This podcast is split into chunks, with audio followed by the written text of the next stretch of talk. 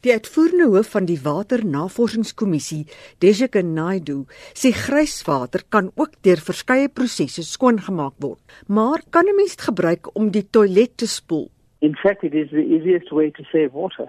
The thing is that you have to worry about is that you've got to organize for all of those processes in your household that need drinking quality water. You cannot use grey water for. It would be unsafe. And you should not use grey water directly to irrigate crops where you eat the food, because that potentially could be dangerous.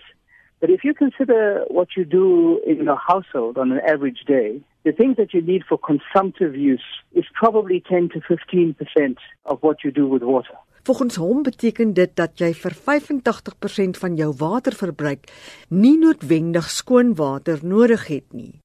Mens kan dan plante nat spuit met grijswater. You can use it directly to flush your systems and you can use it for cleaning outside uh, your household for example. So many of the things that we ordinarily use high quality water from the municipality for can easily be switched to grey water use.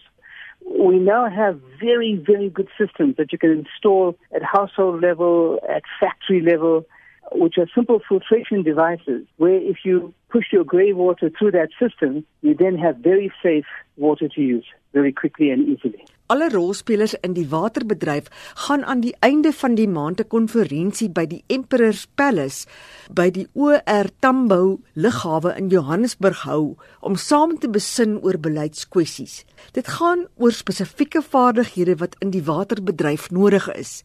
Die Nasionale Wetenskap en Tegnologie Forum NSTV bied dit saam met die Waternavorsingskommissie aan.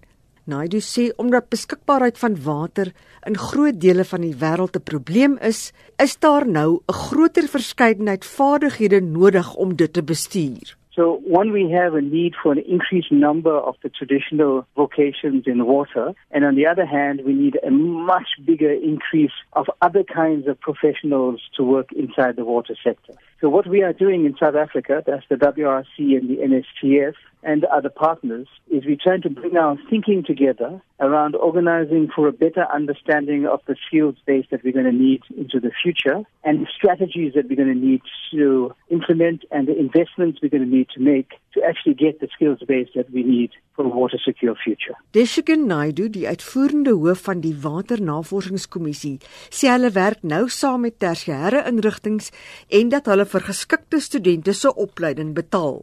Die kommissie befonds ook projekte waarmee studente opgelei word en ontwikkel in sekere gevalle die kurrikulum. Mitsi van der Merwe, SAK nuus.